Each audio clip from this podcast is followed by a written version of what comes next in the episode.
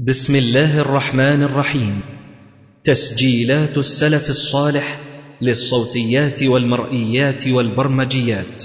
تقدم هذا الإصدار لفضيلة الشيخ الدكتور محمد إسماعيل. الحمد لله رب العالمين. الرحمن الرحيم. مالك يوم الدين. والعاقبة للمتقين. ولا عدوان إلا على الظالمين. وأشهد أن لا إله إلا الله وحده لا شريك له. وأشهد أن محمدا عبده ورسوله.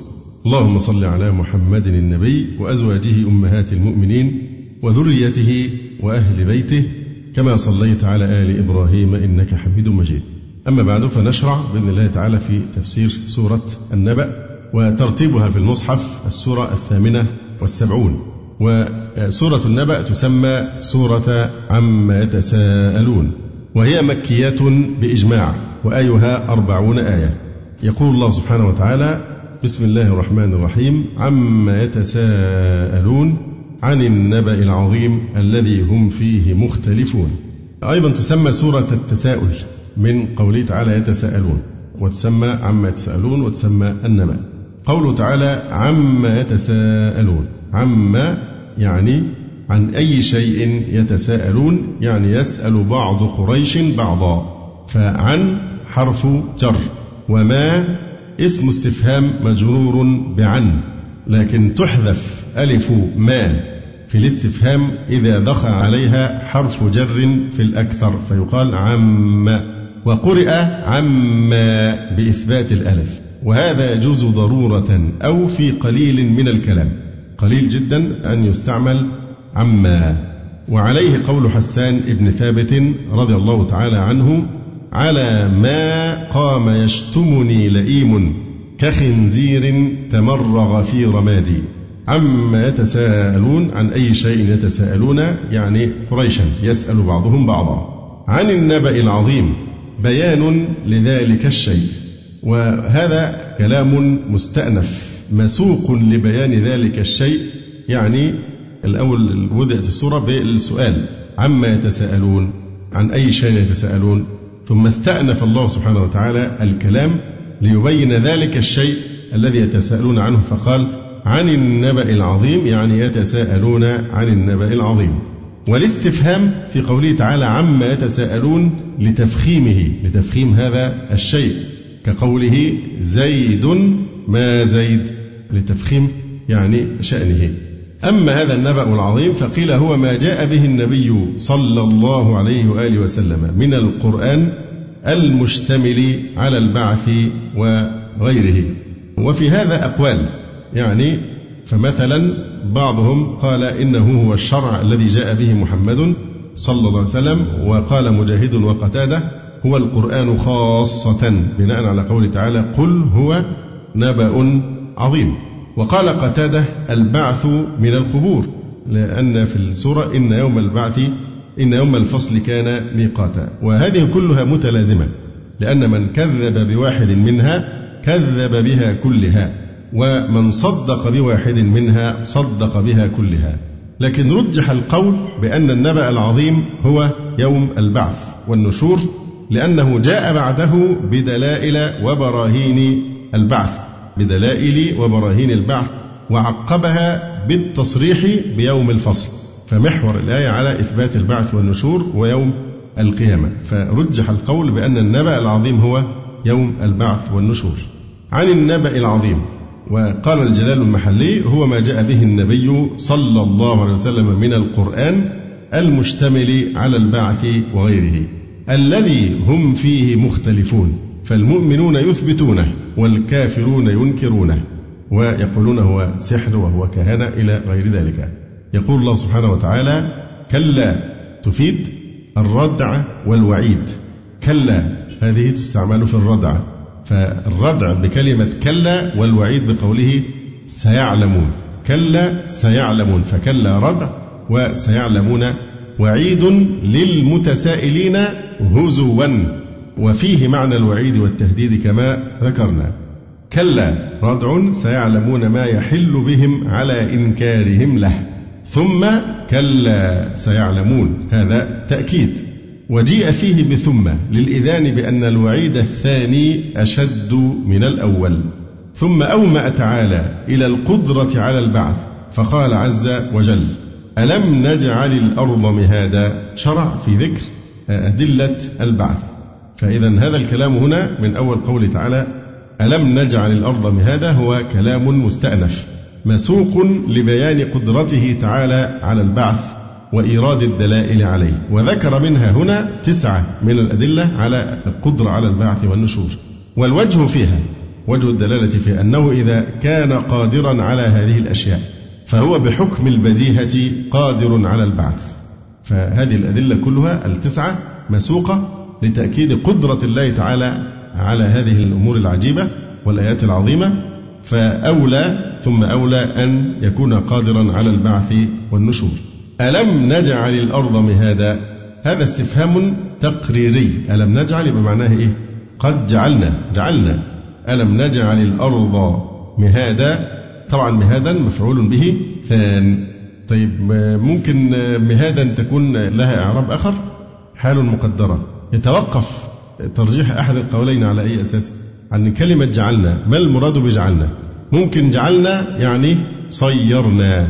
لو قلنا إن جعلنا بمعنى صيرنا فيبقى صيرنا الأرض ألم نجعل الأرض مفعول به أول مهادا مفعول به ثاني. لكن إذا كانت جعلنا بمعنى خلقنا يبقى ألم نجعل الأرض يبقى ألم نخلق الأرض مهادا. فمهادا حال مقدرة.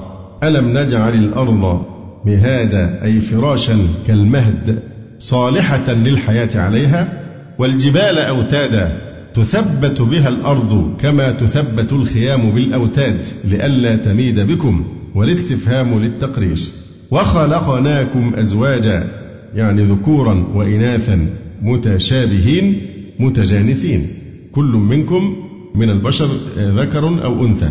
وخلقناكم أزواجا إعراب أزواجا إيه؟ حال وخلقناكم أزواجا وجعلنا نومكم سباتا يعني راحة لأبدانكم. ما إعراب سباتا؟ أيوة مفعول به ثان. نعم مفعول به ثان يعني راحة لأبدانكم أصل كلمة السبات السبات معناها الراحة آه، والسبات النوم الثقيل. حتى السبت عند اليهود هو يوم الإيه؟ آه، الراحة الذي لا يعني يصنعون فيه شيئا ويتوقفون عن الأعمال. هناك بيت شعر أذكره بيقول أتى الأربعاء القوم في يوم جمعة حتى وافاهم سبتهم بخميسي. كانوا يوم إيه هم بقى؟ ثم الايه الأربع والخميس دي؟ والسبت. أتى الأربعاء يعني الأربعاء مكان الذي فيه الماء والربع يعني. أتى الأربعاء القوم في يوم جمعة حتى وافاهم سبتهم راحتهم بخميس يعني بجيش. آه وجعلنا الليل لباسا. وجعلنا النهار معاشا. قوله وخلقناكم أزواجا أي ذكورا وإناثا أو أنواعا في ألوانكم وصوركم وألسنتكم فيدخل في هذا كل زوج من قبيح وحسن وطويل وقصير. لتختلف الأحوال فيقع الاعتبار فيشكر الفاضل ويصبر المفضول.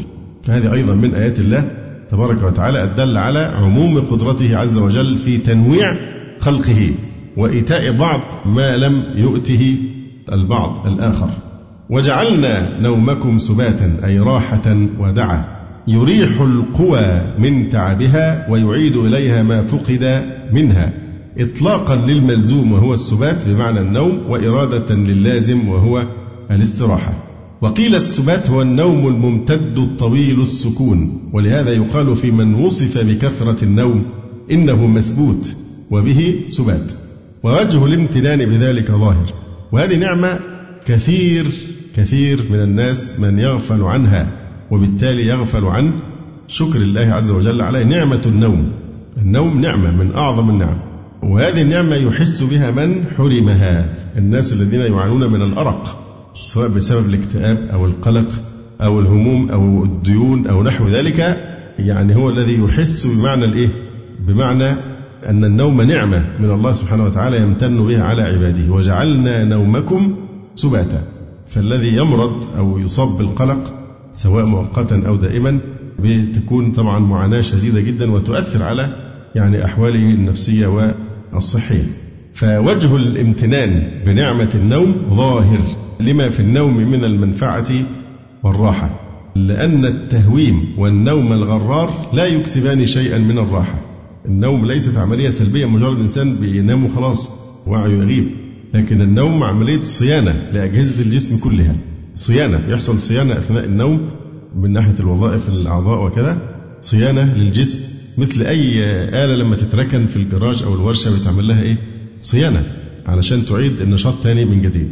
فالنوم موضوع كموضوع طبي أو موضوع علمي موضوع في غاية القوة والروعة والإعجاز. باختصار شديد النوم هنا امتن الله على عباده بنعمة النوم ولذلك الاحتياج للنوم مظهر مظاهر النقص البشري الذي يتنزه الله عنه. لا تأخذه سنة ولا نوم.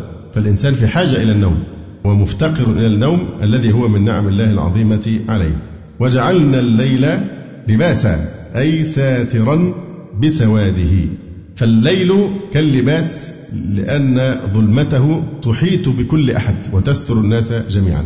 ووجه النعمة في ذلك أن ظلمة الليل تستر الإنسان عن العيون إذا أراد هربا من عدو أو بياتا له أو إخفاء ما لا يحب الإنسان اطلاع غيره عليه. قال المتنبي وكم لظلام الليل عندي من يد تخبر أن المانوية تكذبه. وسنشرح هذا إن شاء الله. كما أن الإنسان بسبب اللباس يزداد جماله وتتكامل قوته ويندفع عنه أذى الحر والبرد. فكذا لباس الليل بسبب ما يحصل فيه من النوم يزيد في جمال الإنسان وفي طراوة أعضائه وفي تكامل قواه الحسية والحركية ويندفع عنه أذى التعب الجسماني وأذى الأفكار الموحشة. وجعلنا الليل لباسا. وفي هذه الآية الكريمة تشبيه بليغ ووجه الشبه الستر لأن كلا من اللباس والليل يستر المتلبس به يعني الليل يستركم عن العيون. إذا أردتم النجاة بأنفسكم من عدو يلاحقكم أو بياتا له إذا أردتم إنزال الوقيعة به في منأ عن العيون أو يعينكم على إخفاء ما لا ترغبون في أن يطلع أحد عليه. وقد رمق أبو الطيب المتنبي هذه السماء العالية كعادته فقال وكم لظلام الليل عندك من يد تخبر أن المانوية تكذب وقاك ردى الأعداء تسري إليهم وزارك فيه ذو الدلال المحجب. من يعرف معنى قوله وكم لظلام الليل عندك من يد تخبر أن المانوية تكذب ما المعنى؟ من يد؟ نعم. جزاك الله خير. المانوية نسبة إلى ماني وهو مؤسس مذهب المانوية يدعي أن في الوجود مبدأين مبدأ الخير ومبدأ الشر النور والظلام. فدخل ماني في التصوير الفارسي ونسق التصوير الصيني ورسم الملائكة والشياطين وتوفي سنة 76 و200 ميلادية. قال المانوية تجد في العالم خيرا كثيرا وشرا كثيرا.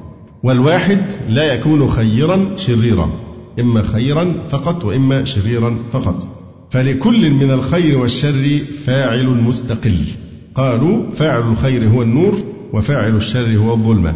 فاعتقدوا أنهما أي النور والظلمة جسمان قديمان حساسان سمعان بصيران وكل ذلك ظاهر البطلان. فخلاصة الكلام أن المنوية ينسبون الشر إلى الإيه؟ إلى الظلام. فالظلام شر محض والنور خير محض. فلذلك يسمون الثانوية الذين يعتقدون بإيه؟ بإلهين اثنين. فيقول المتنبي وكم لظلام الليل عندك من يدي يعني إن الظلام ليس شرا محضا بل هو نعمة. وله أياد وفواضل كثيرة عندك. وكم لظلام الليل عندك من يد؟ تخبر أن المانوية تكذب.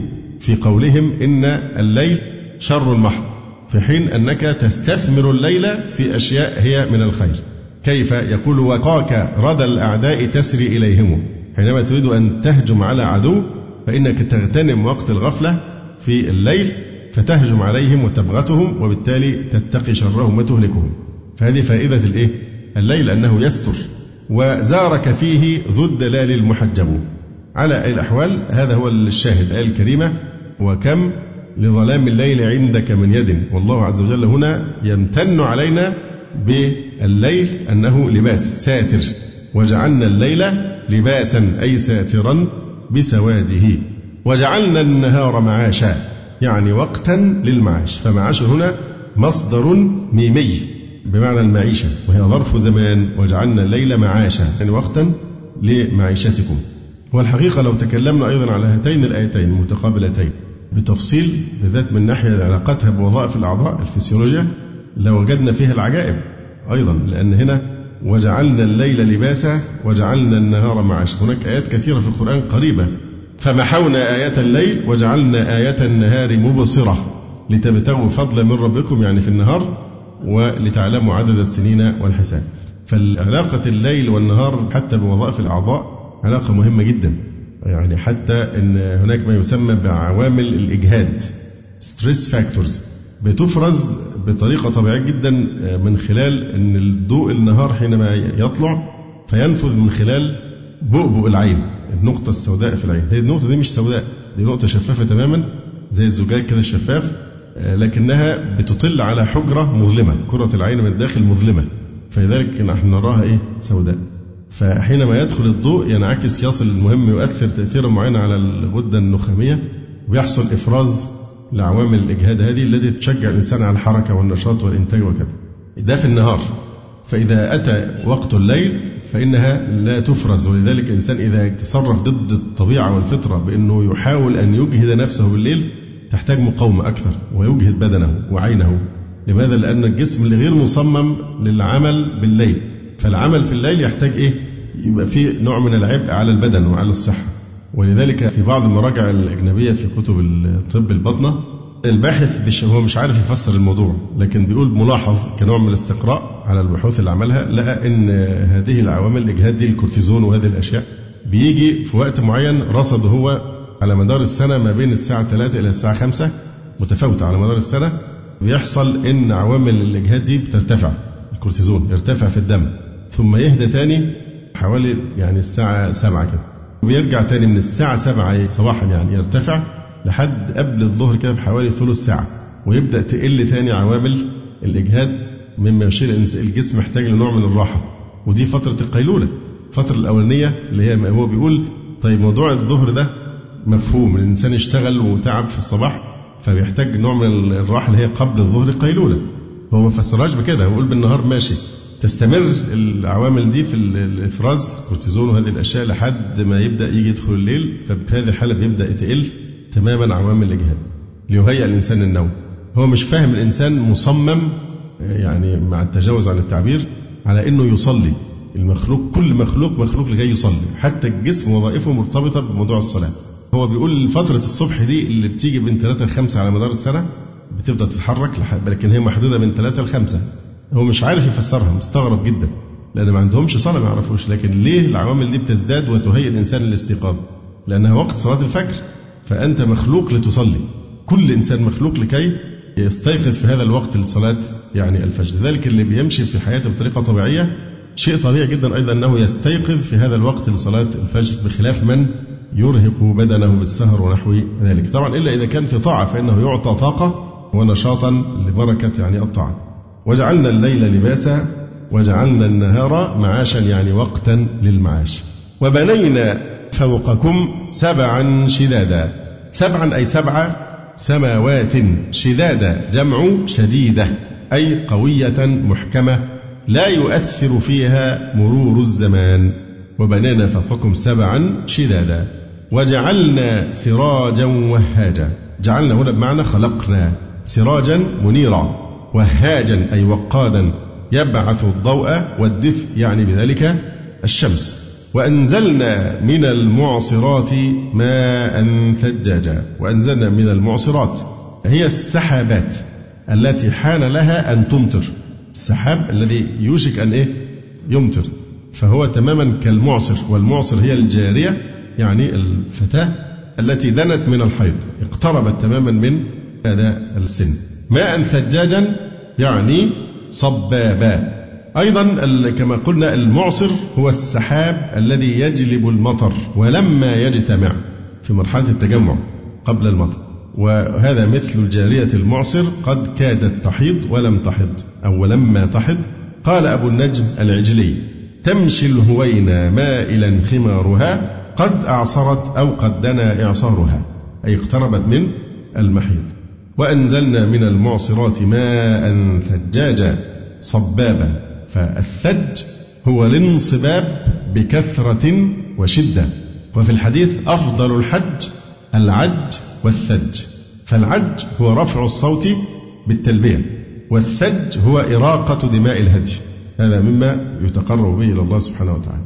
لنخرج به حبا ونباتا. اللام هنا تعليلية نخرج منصوب بإيه؟ بأن مقدرة بعد اللام يعني لأن نخرجه أو لكي نخرجه لنخرج به حبا كالحنطة ونباتا كالتبن وجنات ألفافا جنات بساتين ألفافا أي ملتفة جمع لفيف كشريف وأشراف وقيل جمع لف بكسر اللام وضمها أو لف. ثم يقول تعالى إن يوم الفصل كان ميقاتا وهذا كلام مستأنف. مسوق للرد على سؤال قد يرد بعد أن أثبت الله سبحانه وتعالى البعث بالأدلة المتقدمة. فكأن سائلا يسأل آمنا بالبعث لكن متى وقت البعث؟ فأتى الجواب إن يوم الفصل كان ميقاتا. إن يوم الفصل بين الخلائق كان ميقاتا أي وقتا للثواب والعقاب. يوم ينفخ في الصور وهو القرن ويوم هنا بدل من يوم الفصل أو بيان له. والنافخ في الصور هو إسرافيل عليه السلام. يوم ينفخ في الصور فتأتون من قبوركم إلى الموقف أفواجا. أفواجا ما إعراب أفواجا؟ حال من الواو في قوله تعالى فتأتون الواو. أفواجا أي جماعات مختلفة. وفتحت السماء وفي قراءة وفتحت السماء بالتخفيف والتشديد. أي شققت لنزول الملائكة. فكانت أبوابا أي كانت ذوات أبواب. وسيرت الجبال فكانت سرابا. سيرت الجبال ذهب بها عن أماكنها. فكانت سرابا أي هباء أي مثله في خفة سيرها مثل الهباء في خفة سيرها. والسراب هو ما يشاهد نصف النهار من اشتداد الحر كأن ماء تنعكس فيه البيوت والأشجار وغيرها. والسراب يضرب به المثل في الكذب والخداع. فيقال هو أخدع من السراب. يعني أن الجبال تصير شيئا كلا شيء بتفرق أجزائها وانبثاث جواهرها. كقوله تعالى فكانت هباء منبثا. فقوله تعالى وسيرت الجبال فكانت سرابا. تشبيه بليغ. التشبيه البليغ بيحذف منه إيه؟ أداة الشبه ووجه الشبه. فكانت سرابا. حذفت منه الأداة وحذف وجه الشبه. فالوجه الشبه هو إيه؟ هو أن المرئية خلاف الواقع. فكما يرى السراب من بعيد للظامئ الملتاح كأنه ماء فيستبشر به ويخف إليه حتى إذا أدركه بعد طول الأين لم يجده شيئا. وكذلك ترى الجبال كأنها جبال وليست كذلك في نفس الأمر. وسيرت الجبال فكانت سرابا. ثم يقول تعالى إن جهنم كانت مرصادا. إن جهنم هذا كلام مستأنف مسوق للشروع. في وصف أهوال جهنم بعد أن فرغ من وصف الأحوال العامة ليوم القيامة. إن جهنم كانت مرصادا. من رصدت الشيء أرصده إذا ترقبته. فهي راصدة الكفار أو مرصدة أي معدة مهيئة لهم. فمرصادا إما مرصاد بمعنى أنها راصدة للمعذبين فيها مترقبة لهم أو مرصدة بمعنى معدة لهم فهي إما من رصد بمعنى ترقب وإما من أرصد بمعنى أعد. والمرصاد لغة هو الطريق والممر. إن جهنم كانت مرصادا للطاغين مآبا. يبقى للطاغين متعلقة بكلمة إيه؟ بالمرصاد. مرصادا للطاغين إما أنها ترصد الطاغين وإما أنها ترصد بمعنى تترقبهم وإما بمعنى أنها معدة لهم. للطاغين مآبا يعني الكافرين فلا يتجاوزونها. مآبا أي مرجعا لهم فيدخلونها. ما إعراب مآبا؟ خبر ثان. لإيه بقى؟ لكانت. إن جهنم كانت مرصادا يبقى مرصادا خبر أول لكانت. مآبا للطاغين. يبقى مآبا خبر ثان لكانت. فمآبا آه، معناها مثابا لهم ومرجعا فيدخلونها. لابثين فيها أحقابا. لابثين حال مقدرة أي مقدرا لبثهم فيها بعد دخولها أحقابا. أحقابا يعني إيه؟ دهورا لا نهاية لها. جمع حقب بضم أوله حقب بضم أوله. فأحقابا جمع حقب. قيل الحقب ثمانون سنة أو قيل أكثر أو قيل هو الدهر وقيل هو السنة وقيل هو السنون. إن جهنم كانت مرصادا للطاغين مآبا لابثين فيها أحقابا. لا يذوقون فيها بردا ولا شرابا. لابثين فيها أحقابا هي لابثين حال مقدرة من الضمير المستكن في الطاغين أو في لقوله للطاغين. وأحقابا ظرف متعلق بلابثين. فإن قيل إن الأحقاب مهما امتدت وتراخى بها الزمن فهي متناهية على كل حال وعذاب الكفار غير متناه قيل في الجواب عن هذا السؤال وجوه منها ما روي عن الحسن قال إن الله تعالى لم يجعل لأهل النار مدة بل قال لابثين فيها أحقابا. فوالله ما هو إلا أنه إذا مضى حقب دخل حقب إلى الأبد وليس للأحقاب مدة إلا الخلود. أيضا إن لفظ الأحقاب لا يدل على نهاية والحقب الواحد متناهي والمعنى أنهم يلبثون فيها أحقابا لا يذوقون فيها بردا ولا شرابا إلا حميما وغساقا. فالتوقيت لأنواع العذاب وليس توقيتا لللبث والمكوث. فالتوقيت لأنواع العذاب المتغيرة والمتفاوتة وليس لمدة المكوث فهم خالدون فيها والعياذ بالله. لا يذوقون فيها بردا ولا شرابا. يقول هنا في التفسير نوما. لا يذوقون فيها نوما فإنهم لا يذوقونه.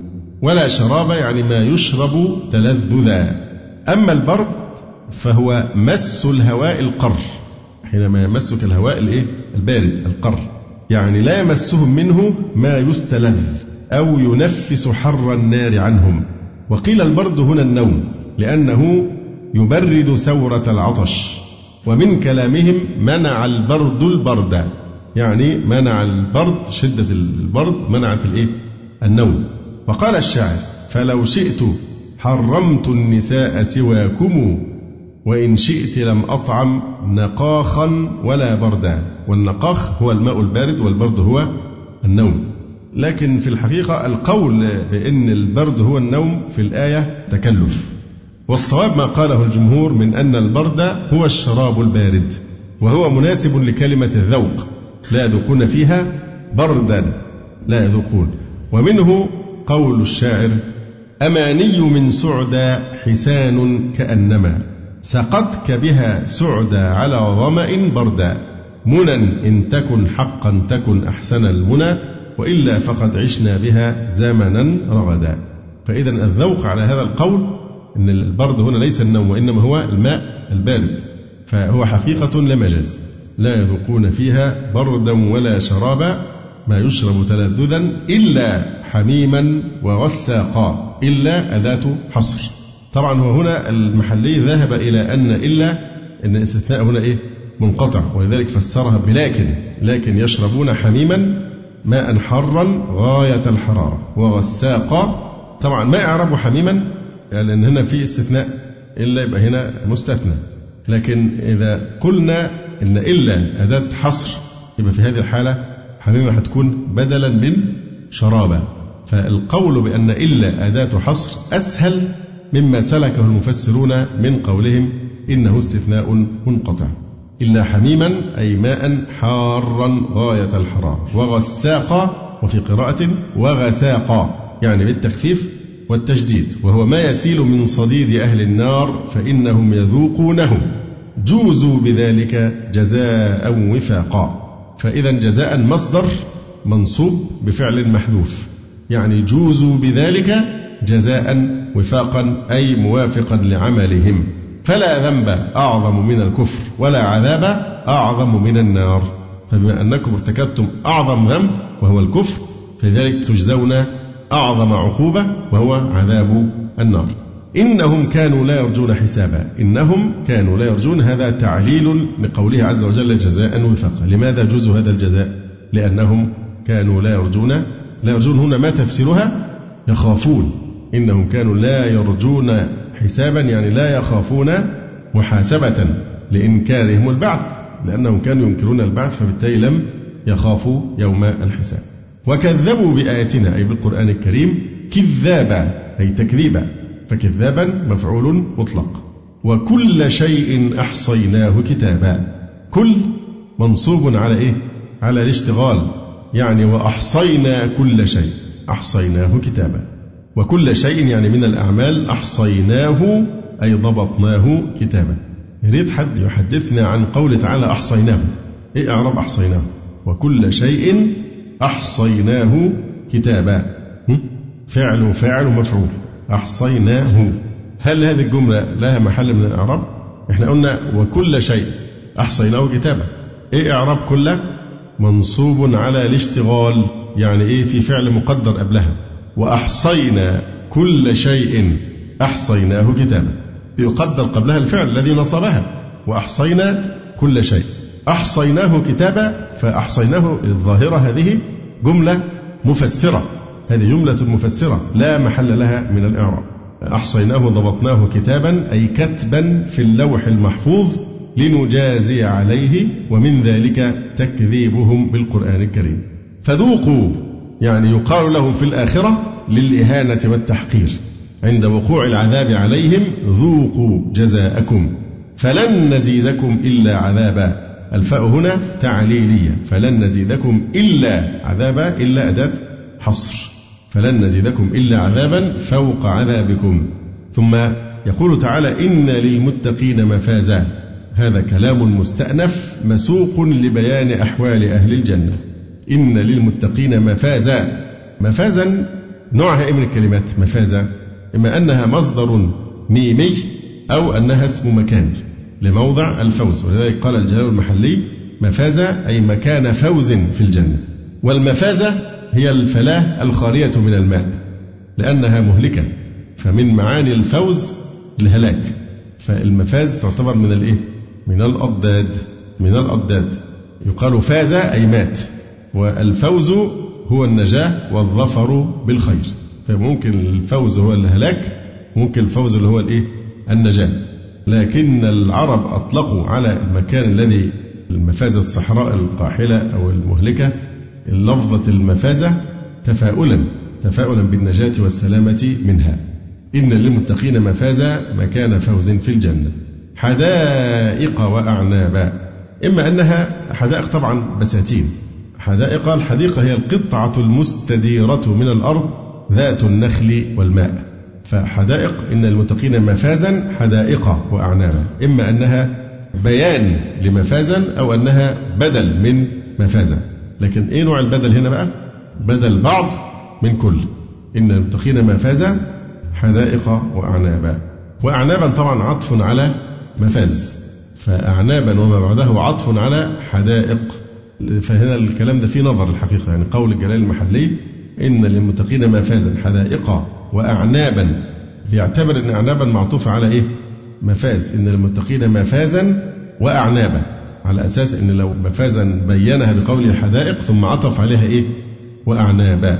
لا هي الحقيقة أنها إن للمتقين مفازا حدائق وأعنابا. يبقى أعنابا معطوفة على حدائق. ولا معنى لأن تعطف على مفاز. بحجة أنها ذكرت بعد الحدائق تنويها بشأنها. فذلك بعيد عن سهولة القرآن وعدم تعسف الكلام فيه. إن للمتقين مفازا حدائق وأعنابا فالعطف على حدائق. وكواعب أترابا أي جواري تكعبت ثديهن جمع كاعب. أترابا على سن واحدة. جمع ترب بكسر التاء وسكون الراء. فالترب هو آه، يعني الذي سقط على التراب بعدما ولد في نفس الوقت الذي ولد فيه. تربه يعني كأنهما سقطا معا في وقت واحد على التراب. كواعب أترابا يعني على سن واحدة. وكأسا دهاقا خمرا مالئة محالها. وفي سورة القتال وأنهار من خمر. لا يسمعون فيها أي الجنة عند شرب الخمر وغيرها من الأحوال فلغوا ولا كذابا. لا يسمعون فيها هذه الجملة حال من المتقين. لغوا أي باطلا من القول ولا كذابا. أو كذابة بالتخفيف أي كذبا وبالتشديد أي تكذيبا من واحد لغيره بخلاف ما يقع في الدنيا عند شرب الخمر. جزاء من ربك أي جزاهم الله بذلك جزاء عطاء حسابا. ما إعراب عطاء؟ بدل من جزاء عطاء حسابا أي كثيرا. إحنا قلنا إن عطاء بدل من إيه؟ من جزاء. هذا البدل فيه سر لطيف. وهو الإلماع إلى أن ذلك تفضل وعطاء. جزاء مبني على الاستحقاق. فأبدل منها كلمة عطاء يعني هذا إيه؟ منا من الله سبحانه وتعالى فلن يدخل أحد الجنة إلا برحمة الله تبارك وتعالى. عطاء حسابا. حسابا بمعنى كثيرا. من قولهم أعطاني فأحسبني أي أكثر علي حتى قلت حسبي. كفاية. يقال أحسبت فلانا كثرت له العطاء حتى قال حسبي. يقول الشاعر ونقفي وليد الحي إن كان جائعا ونحسبه إن كان ليس بجائع ونقفي وليد الحي إن كان جائعا يعني نؤثره بالقفية وهي ما يؤثر به الضيف والصبي. ونحسبه إن كان ليس بجائع يعني نفيض عليه من العطاء حتى كأنه يقول إيه حسبي كفاية قد شبعت أو هذا كثير جدا. فهذه إشارة إلى كثرة هذا العطاء. جزاء من ربك عطاء حسابا. رب السماوات والأرض وما بينهما الرحمن. رب السماوات والأرض. ربي بالجر بدل. بدل من إيه؟ ربك. جزاء من ربك. رب السماوات والأرض فهي بدل مجرورة. أو إذا قرأناها بالرفع رب السماوات والأرض فتكون خبرا لمبتدأ محذوف يعني إيه؟ هو رب السماوات والأرض. لا يملكون منه أي الخلق لا يملكون منه تعالى خطابا أي لا يقدر أحد أن يخاطبه خوفا منه عز وجل. طبعا هذا في موطن خاص في موطن خاص في يوم القيامة لن يملكوا خطابا. يوم يقوم الروح يوم ظرف لإيه؟ لا يملكون. يوم يقوم الروح أي جبريل أو جند الله. والملائكة صفا صفا حال يعني مصطفين. لا يتكلمون أي الخلق إلا من أذن له الرحمن في الكلام. وقال صوابا يعني وقال قولا صوابا من المؤمنين والملائكة كأن يشفعوا لمن ارتضى. وقيل القول الصواب هو الإيه؟ هذه أحد أسماء لا إله إلا الله القول الصواب. ذلك اليوم الحق ذلك مبتدأ. طب إعراب اليوم الحق بقى أحسنت ممكن تكون بدل. ذلك اليوم الحق يبقى إيه؟ ممكن آه، ذلك مبتدأ واليوم بدل. على أساس دي اسم إشارة. والخبر المبتدأ يكون كلمة الإيه؟ الحق. ممكن إعراب تاني؟ مم. ممكن يكون نعتا. يعني ممكن لو قلنا ذلك اليوم. ذلك مبتدأ واليوم خبر والحق تكون صفة لإيه؟ لليوم.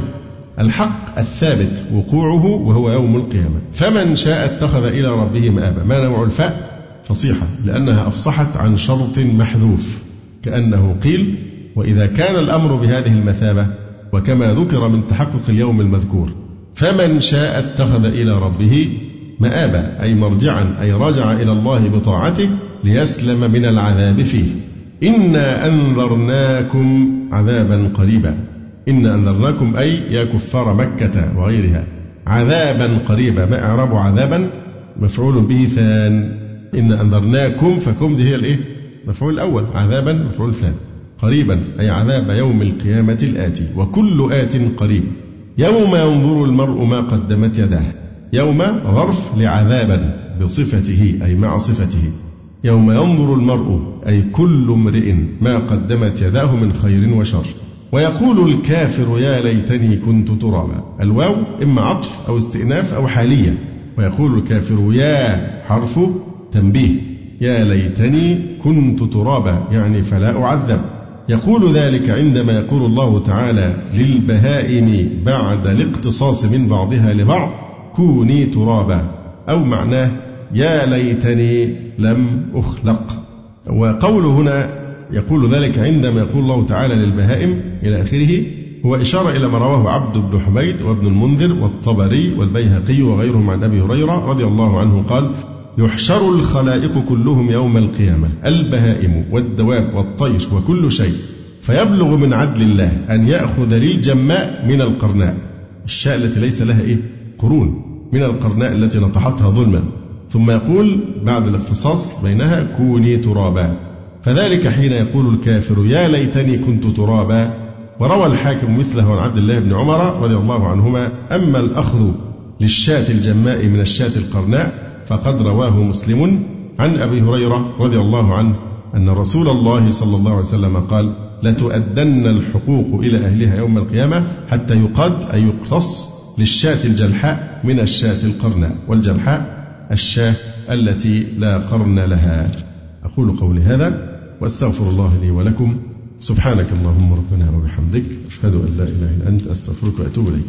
جزى الله فضيلة الشيخ خير الجزاء. ونسأل الله جل وعلا أن يرفع مكانة الشيخ في المهديين وأن يجعله علما من أعلام الهدى والدين. ولا تنسونا وتنسوا الشيخ من دعوة صادقة بظهر الغيب.